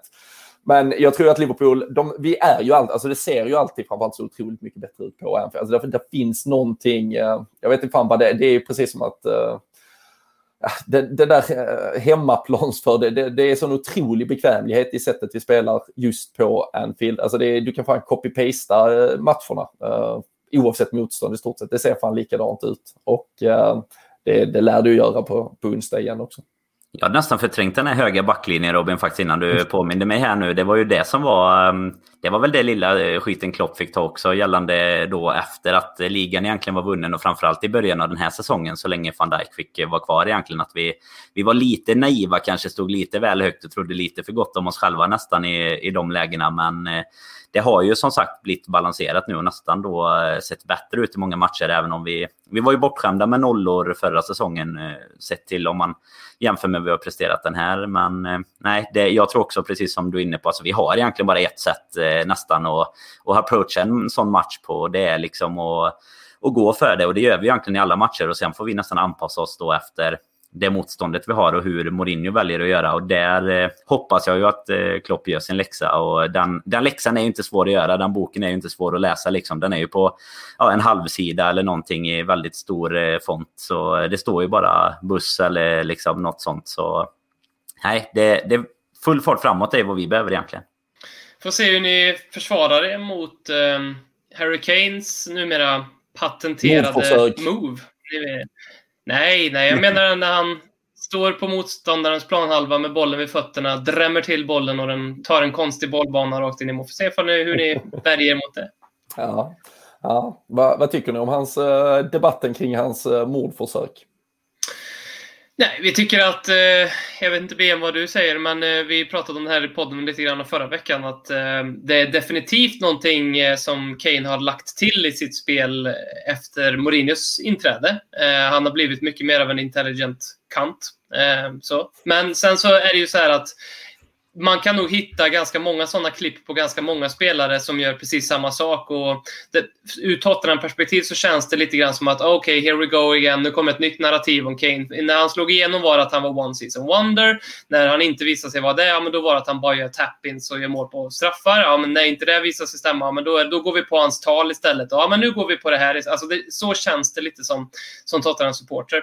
Eh, och om man ska vara helt ärlig tycker jag, de här situationerna som det finns en video på, så i ett av fallen så är det absolut kanske så att det borde bli frispark för Arsenal eh, i Gabriel. Där i de mm. andra fallen så tycker jag det är helt rätt att det inte blir det och till och med rätt att det döms i, i, för Kane. Så att, eh, så. Aj, ni har verkligen trillat i det. Ja, okej, okay, vi, vi, vi håller där tror jag. Jag har skrattat lite på Twitter där innan men jag kan säga att de har letat upp eh, klipp på andra spelare. Så det finns tydligen andra spelare som gör samma sak och det är bevisat om man kikar Lelle Kings Twitter. Ja, oh ja. Grä, grävjobb, eh, de uh, stora journalistpriset uh, jagar dem med näbbar och klor. Så är det. Ja, det har ni rätt i. Ja, vad, hur rundar vi av det här då? Nu har vi snackat både lite Tottenham och lite Liverpool. Mm. Gör, vad, vad har vi för sista kloka ord? Hur tror ni det går? Vilka vinner ligan? Vilka vinner ligan? Okej, okay, eller om vi säger så här då, uh, från er sida. Om inte ni vinner ligan, uh, och det står mellan övriga lag som ska vinna ligan. Är ni okej okay med att vi vinner eller vem vill ni helst vinna ligan då? Eh, om alternativen är United, City, Chelsea, Arsenal. United är absolut... United Arsenal kan vi ta bort också. Ja, det är, då är det Arsenal VM för i helvete. Vi ska inte vänta på mer på tabellen. gå efter eh, historia här nu eller om vi skulle gå efter de som faktiskt är bra 2020. Ja, men det är väl att, alternativen är väl att Chelsea skulle vakna och göra mål på ett uh, lag över topp 10. Då har de än så länge inte gjort den här säsongen. De har inte slagit någon som ligger högre än på 13 plats. Men kanske plötsligt Fat Frank får till någonting. Eh, eller att Manchester City då vaknar och blir eh, City bra och tågar förbi allt och alla och krossar er totalt till slut. Jag tar Liverpool. Jag bestämde mig i våras att efter ett och ett halvt år eh, kämpa mot Liverpool för att jag tyckte att ni tog Pochettinos grej. Det Pochettino skulle göra gjorde Liverpool och Klopp istället. Så jag väljer Liverpool där. För rent objektivt sett så finns det inte så mycket att ogilla med klubben. Utan det, det är ju mer eh, svansföringen som vissa har och sen ganska mycket av hur vi har satt bemöter Liverpool, när den här liksom anmäktiga tystnaden är för Alltså så små saker man bara stör sig på som lite, så här, lite mindervärdeskomplex, det erkänner jag själv när jag pratar här nu. Men det är ju definitivt Liverpool som ska vinna av de här lagen, om inte liksom Southampton eller Leicester skulle tvåla dit. Men det är inte bra för Tottenham på sikt att andra klubbar gör det. Så det blir Liverpool om inte vi vinner, då tar jag Liverpool. Ja, men jag tar ju, alltså, eh, Chelsea vill jag absolut inte. Eh, av liksom, nu tar du fan inte City. Nej, och City tar jag inte heller. Eh, sen var det, sen var det han, har, tagit, han har tagit Mourinho till hjärtat och han vill att City ska vinna Premier League. PSG är också sympatiska, eller? Nej, City tar jag inte. Eh, sen var det någon som sa här att United hade två poängs eh, upp till toppen ifall man vinner sin hängmatch. Och, alltså, jag skulle ju ändå vilja se identitetskrisen hos så många United-fans om United vinner ligan. Det var ju, Wilbacher var ute och svingade mot oss lite grann att det fanns Tottenham-fans som inte ville, skulle fira ifall eh, vi vinner ligan med Mourinho. Ni frågar lite mer. Jag skulle vilja se hur United reagerar om de vinner ligan med under Ole Gunnar Solskär. Um, alltså, eh, ett, ett, ett ett supportgäng som just nu, liksom, jag tror ganska många hoppas på torsk vecka ut och vecka in bara så att de blir av med honom och kan få börja om. Så det skulle faktiskt vara väldigt kul att se. Um, det, men... det, som är, det som är så otroligt, nu vet jag inte hur mycket uh, United-supportrar ni har i er, uh, ett, ett umgänge i övrigt, men, men de få man själv har, det, alltså de har ju checkat ut det så alltså de kollar mm. ju typ inte fotboll, alltså de är helt obrydda kring fotboll. Uh, vilket är helt sinnes. Alltså, om vi pratar om att uh, Liverpool inte var vana kanske vid att uh, etablera sin position som topplag och att vi fans var lite liksom sena på att hänga med i hur fan man skulle bete sig i den situationen. Alltså United-fansens sätt att hantera motgången, som de visserligen har varit inne i jävligt länge nu dessutom, så de bör inte komma så överraskande. Den är... Um, den, den, får nästan lite för lite uh, uppmärksamhet känner jag. Ja, men de är lika usla som Arsenal-fansen på det. De har ju också bara mm. checkat ut. Uh, ja, nu har Arsenal-fansen, det har börjat väckas en liten rörelse att de är lite så här charmiga och de skämtar om hur usla de är. Faktiskt, det finns några stycken, men United är ju mer liksom bara uh, borta. Jag kan meddela... Har ni sett en hund som skäms? Alltså någon som kanske, ja. någon som kanske har kissat på sig inomhus eller något sånt här. Det är United-fans för mig just nu i min närhet. Liksom så här, de typ skäms för sin egen existens och ber om ursäkt för att vi är så dåliga men ändå är vi Manchester United. De är i någon form av djup identitetskris, i alla fall de som är nära mig. Och det, det, är väl för att de har äntligen fattat att sju år är ingen slump utan att eh, man får checka tillbaka till Sir Alex om man ska låtsas att United är bättre än Tottenham. Och det är jävligt skönt. Problemet för, alla som är i vår generation, liksom, eh, som ni är inne på, att det är vår generations United-supportrar. Det är ju exakta motsatsen till jag pratade om Liverpool innan, med att vi kanske har eh, fått framgången på senare år. Och liksom, de har ju haft framgången i alla år i stort sett som vi eh, har tyckt om fotboll. Och eh, nu inser de helt plötsligt att ah, fasen, vinner man inte ligan varje år eller Champions League eller någonting, då, är, då var det visst inte så jäkla kul. Så jag, jag tycker väl att vi ska i och med att vi bara är vi fyra här så får vi alla själva ge oss en klapp på axeln istället för att vi står ut i de jäkla tiderna helt enkelt. Så eh, nej, det, det ligger någonting i det att eh, man formas liksom efter var, vart laget ligger. Ni var inne där på Arsenal-supportrar bland annat. Då, då måste, man måste alltid hitta någonting, så då hittar man istället att det finns någon eh, liten skärm att slå underifrån och sådär. Det, det är häftigt att man alltid är bäst på något i alla fall. Kan ju konstatera att medan vi sitter och spelar in detta så har alltså Arsenal 0-0 hemma mot Burnley och Granit Xhaka har nyss blivit utvisad också i alla fall. Fantastiskt. Ja, nu vinner det... de säkert för det, men det, fy fan vad det är. Alltså ur Tottenham-perspektiv är det ju konstigt att inte man är lyckligare än vad man är. Fast vi leder alltså ligan och, och Arsenal är det sämsta de har varit i min, alltså i min levnadstid. Mm. Eh, så egentligen borde jag ju liksom vara mycket lyckligare i fotbollssammanhang än vad jag är. Ja. Nej, fy fan. Men det, nej, ja, vi, vi önskar väl varandra lagom mycket lycka till sett över hela säsongen då. Och så ja. är vi superfiender i 90 minuter på onsdag. Bra. Lite så är det. För jag antar att det, det är frågan tillbaka då, ifall inte ni vinner, vilka ni helst skulle vilja se. Då antar jag att ni säger Spurs, eller? Ja, men det är ju, det är ju tyvärr så att uh, man har ju uh, fått, uh, man, man, har ju nästan fattat tycke för åtminstone ert engagemang kring Tottenham och det har ju fått en att, att hänga med där. så nej, alltså jag har ju verkligen, och sen jag tycker det är något, lit, det, det är otroligt stor dos av något äckligt i att Mourinho eventuellt skulle lösa detta. Men jag tycker också det är jävligt häftigt och jag, jag tycker han är sjukt imponerande eh, som eh, både människa och eh, tränare. Eh, och sen kan man tycka jättemycket om honom eh, i jättemånga olika eh, situationer säkerligen. Men eh, skulle, skulle han gå in efter, alltså jag vet ju också att attityden hade varit liksom att eh, han har tystnat alla och eh, ni ville ha Pochettino och ni fick mig och jag gjorde detta möjligt och allt det. det. Det, det kommer att vara otroligt äckligt men det kommer att finnas något uh, lite älskvärt i det. Och, um, och sen, sen alltså, ja, helst att vi får vinna ett år till först. Sen jag er att vinna det. Men uh, för vi fick inte fira den här titeln tillräckligt som mm. man verkligen ville. Men uh, man, man hoppas ju och tror på kanske en, en ljusare framtid som gör att ett ligaguld i slutet av maj nästa säsong, eller, eller nästa år, så denna säsongen, eh, ska kunna firas åtminstone i lite större dos. Så man vill ju jävligt gärna vinna, vinna ett till i alla fall. Men eh, jag, jag hade absolut unnat det också. Ja, men det svåra med Unna Spurs eh, framgången det är ju att ni inte har haft den på, på så länge. Liksom, eller att ni inte har vunnit. Det hade varit mycket enklare om ni hade vunnit för tio år sedan. Att ni hade fått vinna en gång till. Liksom. Alltså att, det är det som är det lite tunga tycker jag. Att man då liksom ska tillåta ytterligare någon att, att vara med där uppe. Liksom. Det, det, det som, men jag har liksom inget alternativ riktigt heller, för jag vill inte att City ska vinna. Definitivt inte att Ole Gunnar Solskär och hela den, den nej, storyn klarar jag inte. Då checkar jag definitivt ut efter nej, året alltså, om det, om det händer. Och.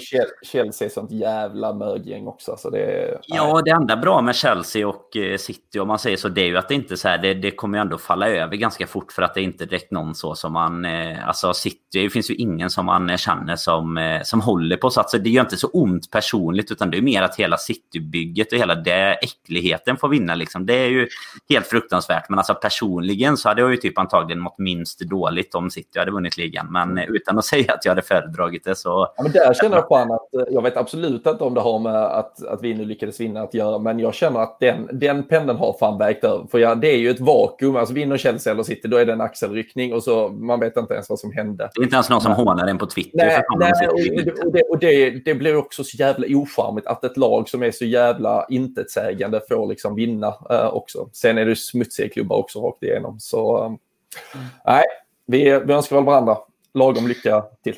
Vi får väl eh, avsluta väl med att uppmana till att eh, skänka pengar till i Musikhjälpen 2020 som ju är igång på riktigt nu. Vi har ju varit igång ett tag faktiskt och samlat ihop en 15K. Vad, vad är ni på? Uh, får ju titta det nu bara för att uh, du... Uh... Medan du tittar kan vi bara säga då att det är bra att ni får ett litet försprång här. Precis, vi gör Ja. samma sak där som vi gör i ligan helt enkelt. Att det är ett Ja. litet, litet försprång. Så... Ja, men 8, 8000 såg jag att det är alldeles för dåligt. Det är Ja, det var, det var lågt. Ja, Den öppnar ju imorgon officiellt såg jag på datumen så att det, Ja, det står sätter nu Spurs-fans. Då kan eh, vi ju säga att Arsenal Sweden ligger just nu på 100 kronor. ja. Mäktiga, mäktiga. Ja, Chelsea visar noll sökresultat. Det finns ingen bössa för Chelsea, vilket är otroligt eh, eh, väntat. Manchester, ska vi bara se ifall det finns en United... Eh, det gör det inte heller.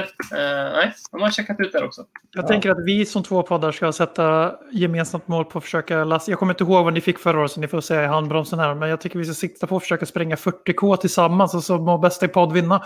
Eller må bästa supporterkollektiv vinna ska jag säga.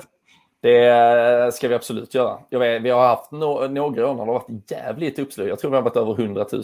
Uh, någon, eh, men det verkar vara lite, lite tröttare insatser. Eh, folk, folk håller väl kanske lite mer i pengarna just nu. Men fan, det går ju till svinbra saker. Så kan man avsätta en liten peng så, så gör det. Vi, vi har sagt från, från poddens sida i alla fall så eh, lägger vi en eh, hundralapp på varje mål vi gör mot er på onsdag. Eh, så vi, vi hoppas ju på en 7-0-seger såklart. Men Så ma- att det matchar ju självklart Ledder Kings knä. Vi har inget val nu Robin. Nej, nej, vi kan ju inte sitta här och säga att vi inte gör det, så absolut. Ja, ja, snyggt. Vi. Och där kan man ju, tycker jag, om man själv då som lyssnare tycker att det hade kunnat vara. Det kan ju vara en eh, 10 eller 20 också per mål om, om man inte har förutsättning att eh, sätta av mer pengar. Men vill man vara med på det och hetsa upp lite på sociala medier så tycker jag man ska göra det. Så sätter man en liten, liten slant för varje mål som ens eget lag gör helt enkelt. Bra. Tack så mycket, hörni. Tack själva. Tack själva. Ha det gott och lycka till. Samma. Detsamma.